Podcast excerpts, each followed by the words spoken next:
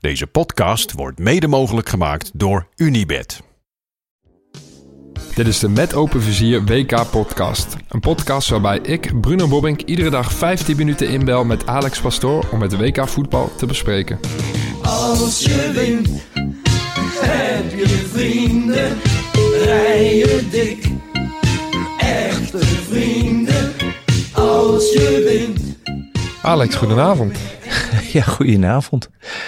We zaten de hele avond toch al naast elkaar? Ja, maar het is een beetje om de podcast te openen. Oké, maar de luisteraar, voor de luisteraars is het nu ochtend, toch? Klopt, ja. Goedemorgen, luisteraar. We zitten eh, voor het eerst dit WK tegenover elkaar. Ja. Dat is ook wel gek. Nou ja, we zijn op bezoek geweest bij eh, de WK-show van FC Afkikken. De wedstrijd van eh, Brazilië is net af. Dus, nou, was leuk. ik was eventjes eh, naar de wc. Kwam ik terug, stond 3-0. Ja, die wedstrijd was natuurlijk binnen no time gespeeld. Spanning was eraf. Maar het waren wel schitterende doelpunten. De tweede helft was, eh, ja, was eigenlijk zonde van de tijd. Ja, jij wil... jij, zei, jij zei, de rust kunnen we niet nu al gaan opnemen. We, we zouden eerst daar in de studio gaan opnemen. Nu zitten we boven. We hadden eigenlijk gewoon eigenlijk moeten gaan opnemen. Ah, je, weet, je weet het natuurlijk nooit, maar eh, je- je- ik zag vrij snel in de tweede helft al eh, dat het deze kant op zou gaan. Ik dacht nog eventjes, eh, toen ze die oude keeper erop gingen gooien. Nou, nou hoop ik dat eh, Zuid-Korea er nog vier maakt. Maar eh, Brazilië gaat door en dat is eh, meer dan verdiend. Die hebben geweldig gespeeld. En ik moet zeggen dat Zuid-Korea de rode loper van verre heeft uitgerold. Dit is nou wat ik noem condoomvoetbal. Het lijkt goed georganiseerd. En ergens is het dat ook, maar geen één duel aangegaan. Eh, nee, echt eh, helemaal niks. Vrije dag van Oranje. Heb jij nog WK-nieuws? Nou, er waren wel eh, wat dingen negatief die me opvielen. Dat eh Raheem Sterling eh, van Engeland naar huis moest in verband met de inbraak. Dat vond ik wel schokkend. Dat is niet de eerste keer dat het gebeurt. Dus het geldt ook voor, voor meer spelers die op dit moment op dit WK zijn. Dat ze thuisbeveiligingen, et cetera, moeten inhuren. Dat, dat- nou, dat vind ik echt schokkend. Eh, bij Portugal, het gedrag van Ronaldo. Zou je hetzelfde gedaan hebben? Ja, natuurlijk. En eh, denk je dat hij nog terugkomt? Ja, dat weet ik allemaal niet. Maar het, het, het viel me gewoon op, omdat het... Je kan zeggen, ja, dit heeft niks met voetbal te maken. Nou, dat, dat heeft het ook niet. Maar dat beïnvloedt jou en je team natuurlijk mega. Laat staan dat er nog eens wat gebeurd is. Echt verschrikkelijk. Ik zag de reactie van de coach en eh, dit was iets wat jij gezegd zou kunnen hebben. Familie is belangrijker dan voetbal. Ja. Of er zijn zaken belangrijker dan voetbal. Ja, ja dat is onvergelijkbaar. Eh, Portugal, Ronaldo. Dus eerst al eh, een soort van onsportief eh, gedrag bij Man United, bij Erik ten Hag. En nu weer na zijn wissel. En de Portugese coach die hem daar openlijk, nou niet eens op de vingers tikt, maar eigenlijk een eh, slap in de face geeft. Ja, dat is eh, jammer dat eh, zijn carrière op deze manier zo door het afvoerputje wegdruppelt. Doet hij niet goed. Is, dit, is dit allemaal Ronaldo's schuld? Of Ja, dat is allemaal Ronaldo's schuld. Kamp ten Haag hoor ik? Ja, sowieso. We zagen ook vandaag ehm, Japan-Kroatië 1-1. Voor het eerst ehm, verlengen en penalties. Twee teams die aan elkaar gewaagd waren. Eerste helft was Japan wat beter, vond ik. Goed georganiseerd, veel discipline. Goede omschakeling van verdedigende aanvallen. Veel scherpe voorzetten. Ehm kwamen ook op, eh, op, eh, op 1-0 voor Japan. En wat mij dan weer, net als de vorige keer, opvalt, is dat Kroatië ehm, blijft gewoon aan het werk. Kijken niet naar het scorebord. Komen dan uiteindelijk op 1-1 via Perisic, een grandioze kopbal. Ik zou haar zeggen, een kopschot, zo hard was hij. Maar goed, dus dat is eh, in hun gedrag vind ik dat zeer te prijzen. Eh, wat ik ook goed vind aan het middenveld van Kroatië is dat het ja, het zijn weliswaar drie Frenkies, maar ik, ik vind dat ze. Ze maken zich ondergeschikt aan elkaar. Ze, ze zijn continu complementair. Ehm, ik kreeg ook net te horen dat eh, Kovacic de meeste onderscheppingen heeft. Ja, dat is mooi. En ik vind het ook gewoon schitterend om te zien dat, eh, dat Modric echt de baas is. Ik hou van de baas spelen. Als, het, als er baas gespeeld wordt, en er wordt ook geluisterd uiteraard, dan, dan is er hiërarchie. En de hiërarchie bepaalt of een, of een afdeling, of in dit geval een voetbalteam, goed functioneert. De penalty-serie, dat is... Ik, ik wilde nog even over Japan. Ik haal nog even een stokpaardje van jou eh, naar boven. Voetbal, voetballen waar het kan, vechten waar het moet. Was dat Japan vandaag? ehm, ja, dat gold eigenlijk wel voor beide ploegen, vond ik hoor. Het was echt strijd, hè? Ja, dat, was, dat vond ik mooi om te zien. En dat ontbrak nou juist bij Zuid-Korea. Dus die vochten helemaal niet. Die voetbalden ook matig. Maar goed, Brazilië is gewoon veel beter. En wat voor plan je ook hebt, maar eh, die organisatie moet ergens toe leiden. En, en daarom zeg ik condoomvoetbal.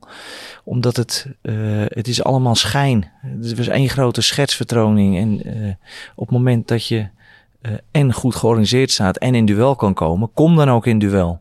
Want het derde doelpunt van Brazilië was fenomenaal gecombineerd. Een ouderwetse 1-2-3 combinatie. Maar dat werd ook allemaal toegestaan door, door enkele figuranten die, eh, die er vlakbij stonden en gewoon niks deden. Dus, eh, en dat was bij Japan-Kroatië geweldig. Over de penalties. Stel, we zouden Alex Pastoor mogen opstellen bij Japan. Zou je hem er dan wel in schieten? Nou, ik was eh, niet zo'n penaltynemer, maar dat is, ik was daar veel te zenuwachtig voor.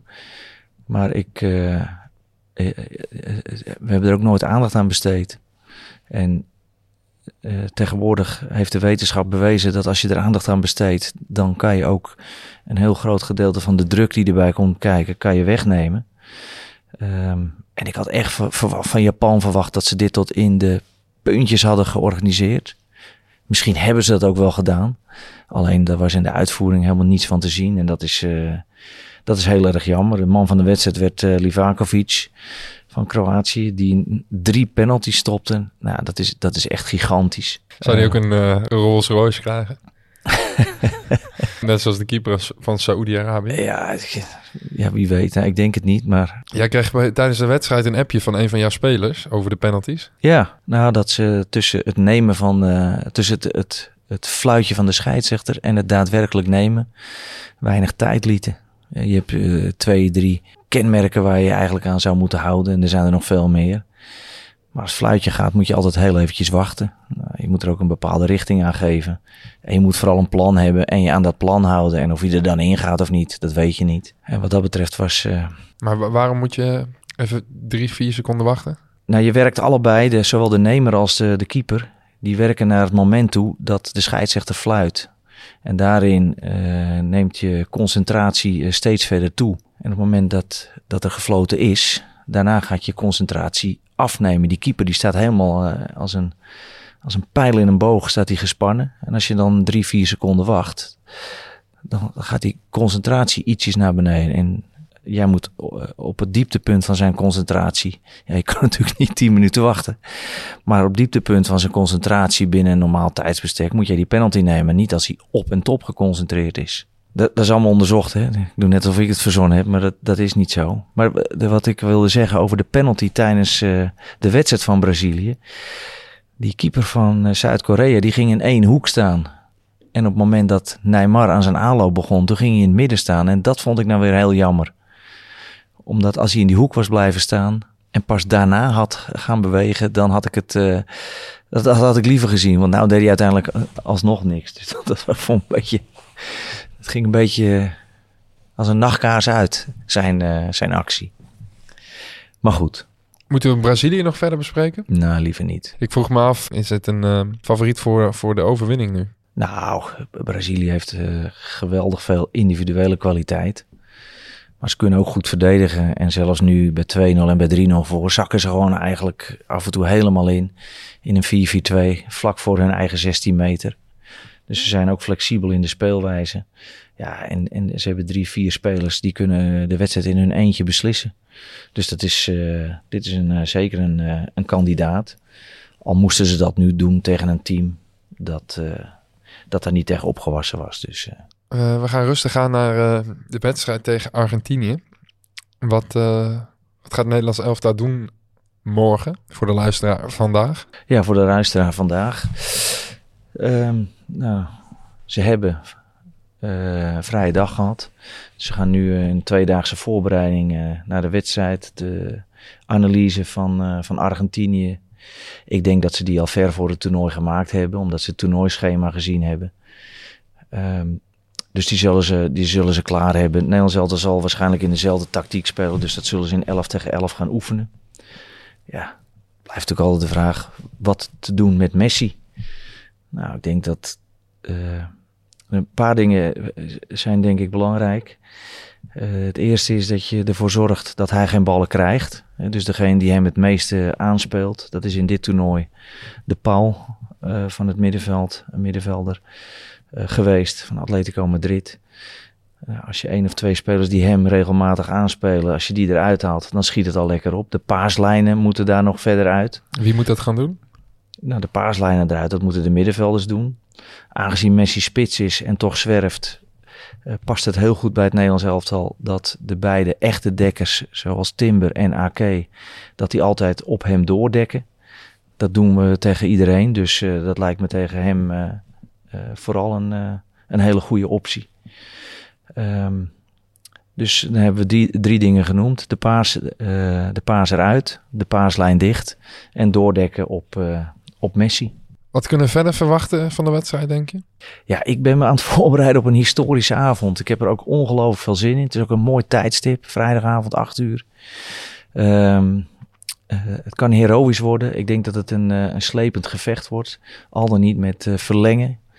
Ik, eh, ik verwacht van niet. Ik hoop het eh, aan de ene kant wel. Maar aangezien ik eh, eraan geloof dat wij gewoon doorgaan in het toernooi... kunnen we ons een half uur inspanningen besparen. Maar ja, goed, we moeten er in ieder geval wel rekening mee houden. We moeten ook rekening houden met een tegenstander die ons uit het ritme gaat proberen te halen. Dus we hebben één ding vooral nodig en dat is onverstoorbaarheid. En als je daar klaar voor bent om je te wapenen tegen het harde spel van Argentijnen, reclameren voor vrije trappen, vragen om kaarten, zwalbes, provoceren. Veel fans uit Argentinië in het stadion.